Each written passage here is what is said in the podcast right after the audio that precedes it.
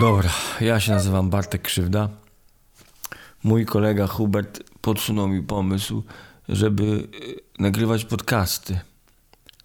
Już się dowiedziałem, co to są te podcasty i wymyśliłem sobie, że będę nagrywał je o tym, na czym się najlepiej znam, czyli o muzyce. Czyli ogólnie będę po prostu ględził o tym, jak ja się zajmuję muzyką. Moje podejście jest dosyć specyficzne i jeżeli ono Wam odpowiada, to ja się bardzo cieszę.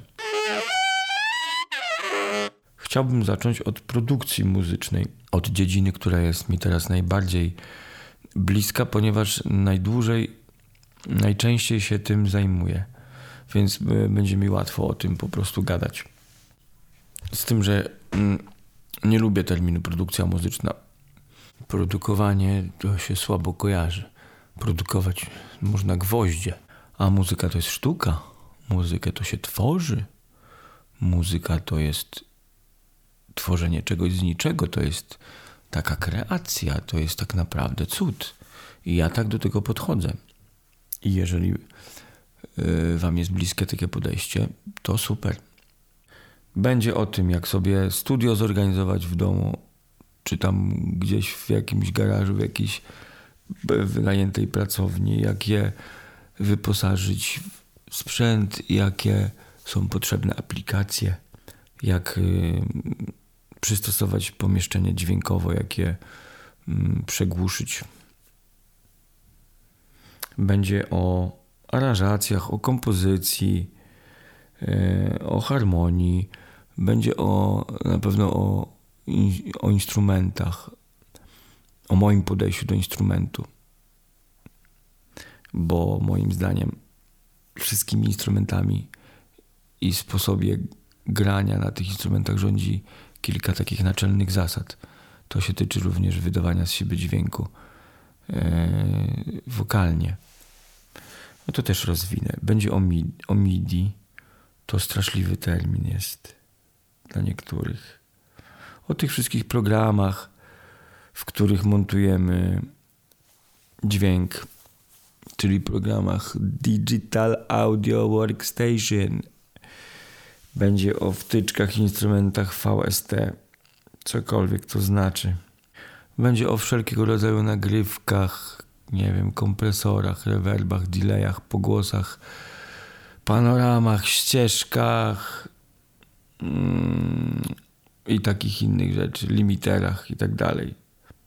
Generalnie wszystko to będzie się wiązało z tym, że mm, najważniejsza jest yy, muzyka, a nie sprzęt. Ważniejszy jest pomysł, a nie szybki komputer. Ważniejszy jest wena, która przyszła do nas w tym momencie, a nie w innym, niż e, jakiś dobry mikrofon. Że w muzyce nie ma żadnych barier, żadnych ograniczeń. Jeżeli ktoś wam mówi, że tego tak się nie nagrywa, albo tego tak się nie, nie gra, bo to nie będzie brzmiało rasowo, to pieprzyć to. Sami eksperymentujcie, a no już znajdziecie jakiś fajny sposób na nagrywanie czegoś, na przykład bębnów. Nie ma zasady żadnej. Wszędzie można te bębny nagrać do pralki się nie zmieszczą, ale do przedpokoju już się zmieszczą. Może się okazać, że w tym przedpokoju całkiem fajnie zabrzmią. Chodzi o to, żeby muzyk, który gra w tym przedpokoju, się dobrze poczuł. Żeby on miał komfort, żeby miał luz we łbie, żeby nic go nie cisnęło, żeby nikt mu nie stał nad głową, nie chromolił bzdur, że, że coś tam nie zawracał mu gitary, żeby on się dobrze po prostu czuł, komfort żeby to muzyka przepływała przez niego. To są najważniejsze rzeczy. Ja mam takie podejście, jeżeli wy macie podobne i jest wam to bliskie, to bardzo się cieszę. Żadnych barier, eksperymenty, wszystkie nasze pomysły trzeba przetestować. Wszystkie są fajne. Nie ma durnych pomysłów. Pomylmy się tysiąc razy, a za tysiąc pierwszym razem wyjdzie nam coś dobrego. A te tysiąc pomyłek to jest nasze doświadczenie i na tym się uczymy gromadźmy takie cenne doświadczenia. Dlatego nie nagrywam tego odcinka w moim studio, gdzie sobie przygotowałem e, fajne warunki brzmieniowe i sprzętowe. No bo gdybym tam poszedł z, z taką misją, żeby coś nagrać, no to bym się usztywnił, no bo przecież przyszedłem tutaj coś nagrać i muszę to zrobić. A tak siedzę sobie w, w domu, w kuchni. E, pewnie słyszycie ten pokój, który fatalnie brzmi, ale to nie ma znaczenia tak naprawdę. Pop filter zrobiłem z filanki, bo ten profesjonalny został właśnie w studio. Ale miałem pojemnościowy mikrofon w domu, więc go tutaj odpaliłem, dlatego słychać tutaj cały, całą tą dużą kuchnię.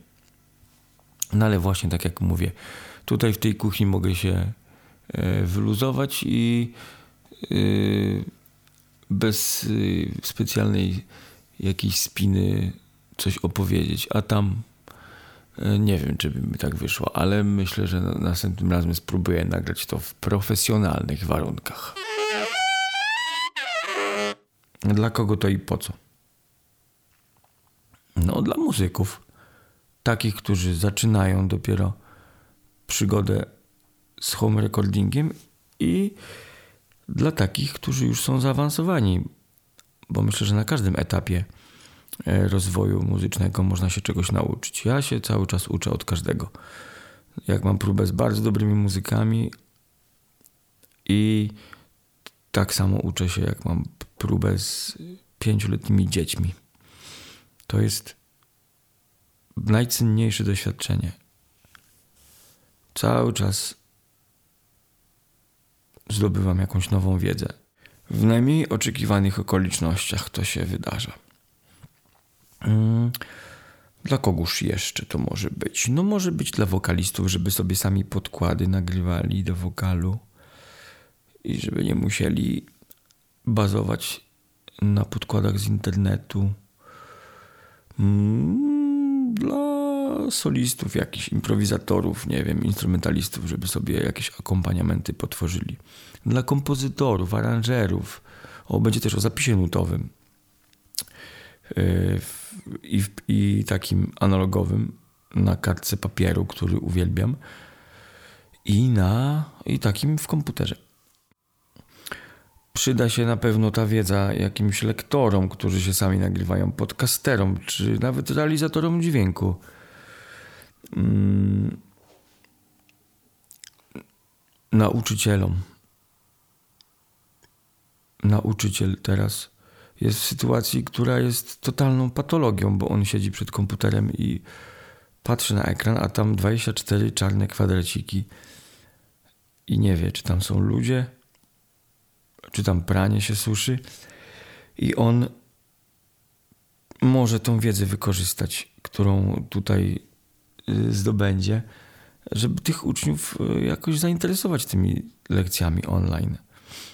Można używać tych plików dźwiękowych, można coś montować, nagrywać.